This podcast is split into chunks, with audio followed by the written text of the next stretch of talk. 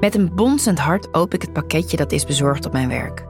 Ik denk te weten wie de afzender is. Deen. Dat hoop ik. Er zit een telefoon in het pakje. Telefoon, hè? Ik pak het apparaat vast en kijk ernaar. Ik zie niks opvallends. Opnieuw kijk ik in het doosje. Er ligt ook een klein kaartje, zie ik dan. Ik lees de tekst, geschreven in Deens inmiddels bekende handschrift. Hi Charlie, deze week ben jij mijn high-class escort en ik ben jouw pooier. En ik zal je dit vertellen: jij krijgt geen geld, jij krijgt helemaal niks. Eh, oké. Verbouwereerd kijk ik naar de boodschap. De hoer spelen. Daar fantaseer ik al over zolang ik me kan herinneren. Maar nu die fantasie op het punt staat werkelijkheid te worden, krijg ik ineens cold feet. Taald worden voor seks. Dat heeft me altijd geil geleken. Maar in mijn hoofd waren mijn klanten stuk voor stuk aantrekkelijk. En ik ben niet naïef. Ik weet maar al te goed dat de realiteit niet strookt met mijn fantasie. Ik denk aan mannen met bierbuiken, met vlezige ruggen en haargroei op de verkeerde plekken. En ik griezel. Maar dan bedenk ik dat ik Deen moet vertrouwen. Alle mannen die hij eerder voor me regelde waren bovengemiddeld aantrekkelijk. Of sterker nog, het leken vaak wel modellen. Niet dat ik daar per se op val, op die pretty boys. Geef mij maar een type als Deen, met een ruige look. Hij is knap, alleen niet op een doorsnee manier. Niet dat ik klaag hoor. Voor een avondvertier waren die jongens niet verkeerd. Ik heb ervan genoten. Als de telefoon overgaat, schrik ik. Ik kijk naar het beeldscherm. Zal ik opnemen? Wat als het een klant is die een seksdate wil boeken? Wat zeg ik in dat geval? Na vijf keer overgaan neem ik op. Hallo, met Nathalie? Zeg ik zwoel. Nathalie? Ik hoor Deen lachen aan de andere kant van de lijn. Dat gebeurt zelden en ik geniet van het geluid. Is dat je shownaam? Hm, ja, antwoord ik grijnzend. Oké, mooi. Ik heb niet veel tijd, dus luister goed, Charlie. Ik spits mijn oren. Fijn dat je de telefoon goed hebt ontvangen. Je klant is een van mijn compagnons. Hij heeft nog wat te goed van me. Jij bent zijn cadeau. Hij weet niets van onze relatie. Hij is in de waan dat je een high-class escort bent. Dus laat hem in die waan. Laat je van je beste, meest geile kant zien. Dat is je opdracht. Ik slik, zeg niks. Charlie? Ja? Ga je nog wat zeggen? Ehm, en wat als ik hem niet aantrekkelijk vind? Vertrouw je me nou nog niet? Denk klinkt beledigd.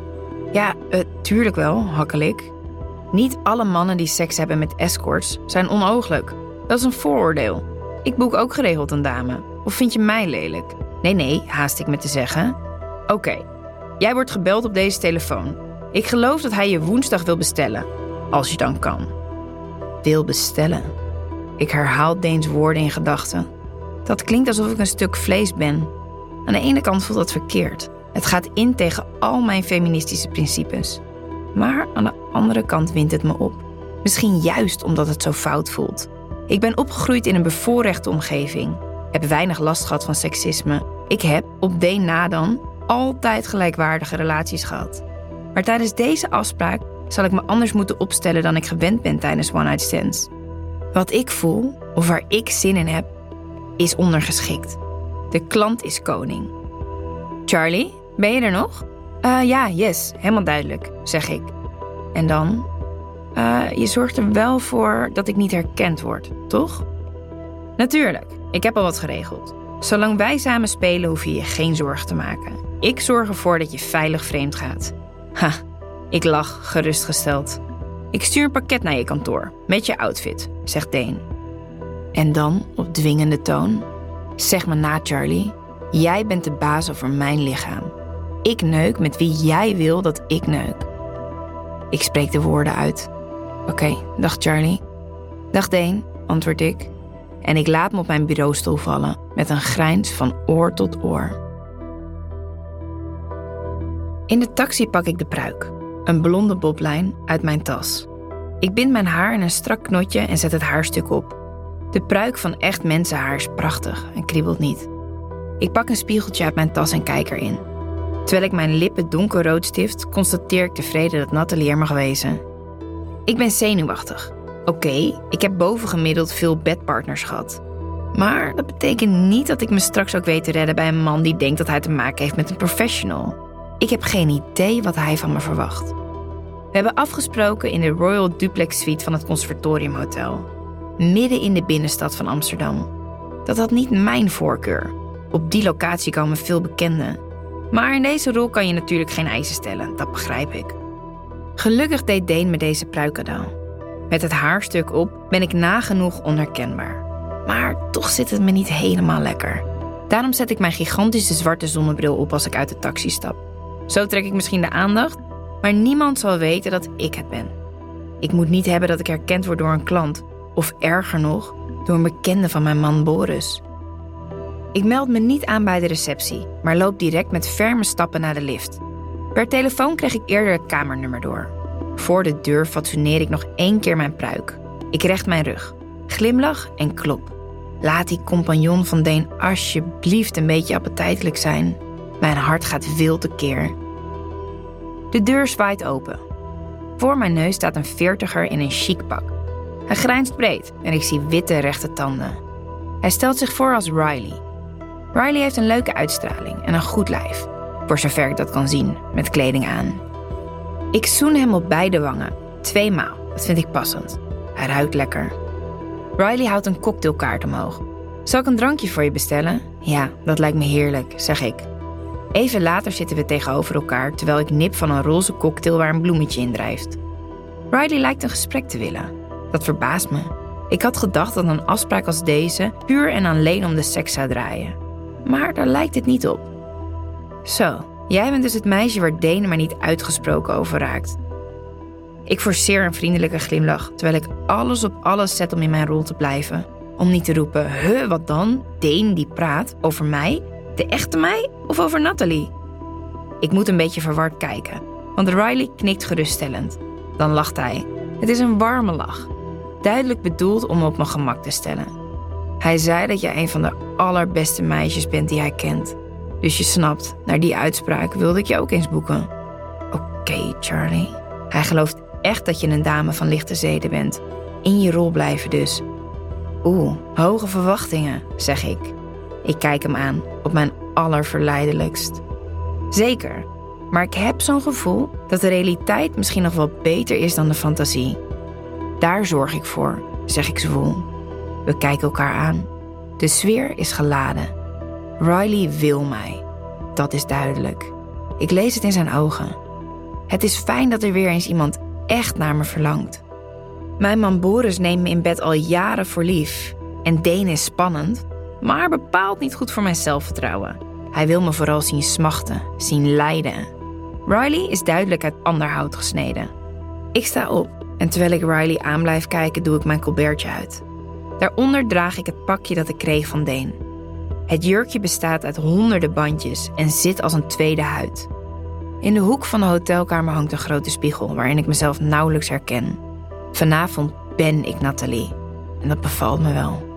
Riley fluit tussen zijn tanden. Zijn ogen zijn op mijn borsten gericht. Hij likt zijn lippen nat en ik zet een paar passen. Nu sta ik voor zijn neus. Besluit om bij hem op schoot te gaan zitten. Wat wil je, Riley? fluister ik in zijn oor. Hij slaat zijn armen stevig om me heen. Ik heb zin om hem te zoenen. Hij heeft een mooie mond. Maar kan dat eigenlijk wel, als escort? Meisjes van plezier zoenen niet, toch? Onzin, bedenk ik me dan. Het zijn de sekswerkers die de grenzen stellen. Ik ben de hele dag de baas, over iedereen, zegt Riley. En nu wil ik dat jij de baas bent, over mij. Ik doe alles wat jij wil. Oké, dat is even schakelen na al die tijd met Dane, die uitsluitend dominant is. Heb ik dat wel in me? Is dat zo, Riley? Mijn hersenen draaien op volle toeren. Wat wordt mijn volgende stap? Hij knikt, zijn ogen flikkeren. Ik besluit ervoor te gaan. Ik leg mijn handen op zijn keel. Ik knijp. Ik lik hem over zijn wang. Met mijn lippen strijk ik over de zijne. Hij hapt, wil me kussen. Hij gaat er blijkbaar vanuit dat zoenen op het menu staat. Maar in plaats van mijn lippen op de zijne te drukken, draai ik mijn hoofd weg. Boos kijk ik Riley aan. Wat denk je dat je aan het doen bent? zeg ik op strenge toon. Sorry, zegt Riley. Ik sta op, toren boven hem uit. Dan pak ik zijn kin hardhandig vast en zeg: Jij hebt hier helemaal niks in te brengen. Jij doet wat ik zeg. Riley knikt gehoorzaam. Ik schop de schoen van mijn rechtervoet uit en zet mijn voet op Riley's bovenbeen. Zo heeft hij perfect zicht op mijn slipje. Lik heel langzaam. Hier, beveel ik. en ik wijs op de bovenkant van mijn bovenbeen. Riley omsluit mijn been met zijn handen. Met zijn tong glijdt hij van de binnenkant van mijn knie naar mijn slipje en weer terug. Hij bijt heel zachtjes. Dat was niet de opdracht, maar het is lekker, dus ik laat hem gaan. Oh, ik kreun zachtjes. Riley kijkt naar me op, onze blikken kruisen. Ga door, moedig ik hem aan. Hij likt opnieuw, heen en weer. Ik voel het in mijn onderbuik.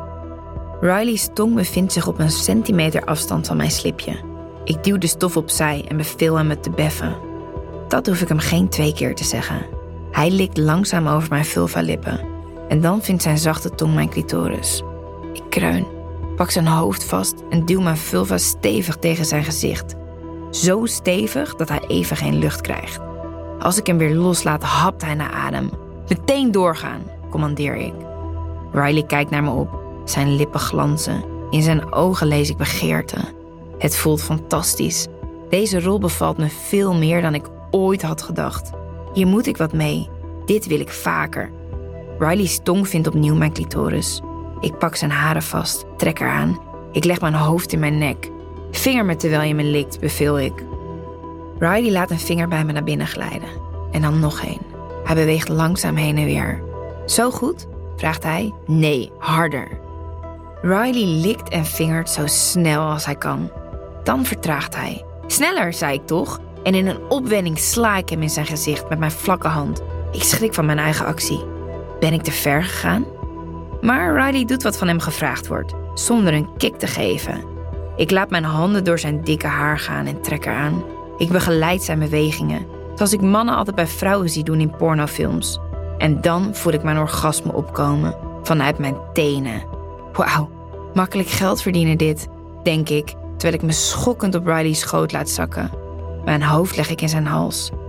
Als escortwerk zo kan worden ingevuld, dan overweeg ik een carrière switch. De orgasmeroes vervaagt en met een schok besef ik dat ik me net aan het einde volledig heb laten gaan. Ik vergat de rol die ik speelde. Dit was echt. Sneller pak ik mezelf. Ik ga rechtop zitten en kijk Riley strak aan. Ik schraap mijn keel. Goed zo, zeg ik, als een strenge maar tevreden schooljuf. Dan kus ik hem, traag, sensueel. Ik sta op. Kleed je uit, ik wil je naakt zien, zeg ik. Dan ga ik op het puntje van het bed zitten, terwijl ik toekijk hoe Riley zich ontdoet van zijn pak. Hij heeft een goed lijf, zoals ik al voorspelde. Zijn huid is zongebruind. Zijn armen zijn mooi gespierd. In alleen een boxershort staat hij voor mijn neus. Afwachtend. Ook uit. Met één soepele beweging trekt hij zijn boxershort uit. Zijn stijve wijst recht naar voren. Ik heb zin om zijn erectie in mijn mond te nemen. Langzaam rondjes te draaien met mijn tong over zijn eikel. Maar ik hou me in. Dat past niet bij de rol die ik speel. Ik beveel hem op het bed te gaan liggen. Riley moet met zichzelf spelen. Met een afkeurende blik kijk ik op hem neer terwijl hij zijn vuist traag heen en weer beweegt. Je wil me, je wil dat ik je aanraak, vraag ik. Riley kreunt. Ja, hoe graag wil je dat? Oh, alsjeblieft, Charlie, ik wil je voelen, ik wil je neuken. ik lach schamper. Wat denk jij nou, Riley? Dat ik me daartoe ga verlagen? Moet je jezelf nou eens zien. Jij bent helemaal niemand. Ik kruip op het bed en ga naast Riley's hoofd zitten. Beweeg sneller, zeg ik zacht. Riley's spieren spannen zich. Op zijn bovenlip parelen kleine zweetdruppeltjes. Zeg dat ik de mooiste, meest bijzondere vrouw ben die je ooit hebt gezien. Terwijl Riley me aankijkt, geeft hij met ene na het andere compliment. Hij lijkt elk woord te menen. Na een tijdje besluit ik hem te belonen voor zijn goede gedrag. Ik trek mijn slipje uit, pak een condoom en ga bovenop Riley zitten. Hij pakt mijn billen vast met beide handen. hey, heb ik gezegd dat dat mag? Snel laat hij me los. Ik laat me over zijn stijve glijden. Beweeg langzaam. Draai en draai. Riley knijpt zijn ogen dicht en bijt op zijn lip. Je gaat toch niet al klaarkomen, hè? zeg ik spottend. Riley kreunt, schudt met zijn hoofd. Hij moet duidelijk moeite doen om te voorkomen dat hij een hoogtepunt bereikt. Het zou zo triest zijn als je nu al klaarkomt. De vernedering wint hem nog meer op. Ik beweeg iets sneller met mijn heupen, terwijl ik hem aan blijf kijken. Mijn handen omsluiten zijn borstspieren. Riley grondt, hij balt zijn vuisten samen en grijpt me dan nogmaals vast bij mijn billen. Hij knijpt hard en dit keer wijs ik hem niet terecht. Dan komt hij klaar met een schreeuw. Na Riley's orgasme blijf ik niet liggen. Ik sta direct op en was me in de badkamer, als een echte pro. Met mijn colbert aan ga ik aan de rand van het bed staan. Nou, dan ga ik maar. Barley is inmiddels op adem gekomen en staat op. Wacht even. Hij loopt naar zijn jasje en haalt er wat uit. Ik moet je opnieuw zien, Nathalie. Ik weet dat Deen je al betaalt, maar hier nog wat extra's. Hij overhandigt me een envelop. Mijn eerste impuls is de fooi afslaan, maar dat zou een escort natuurlijk nooit doen. Dus pak ik hem aan. Nonchalant, alsof het de normaalste zaak van de wereld is om betaald te worden voor seks. In de taxi naar huis stuur ik Deen een foto van mezelf met de envelop die ik die gelaten heb. Ik heb mijn best gedaan voor jou. Ik kreeg een fooi. Ik neem het geld de volgende keer dat ik je zie mee. Binnen een seconde krijg ik een bericht terug. Good girl.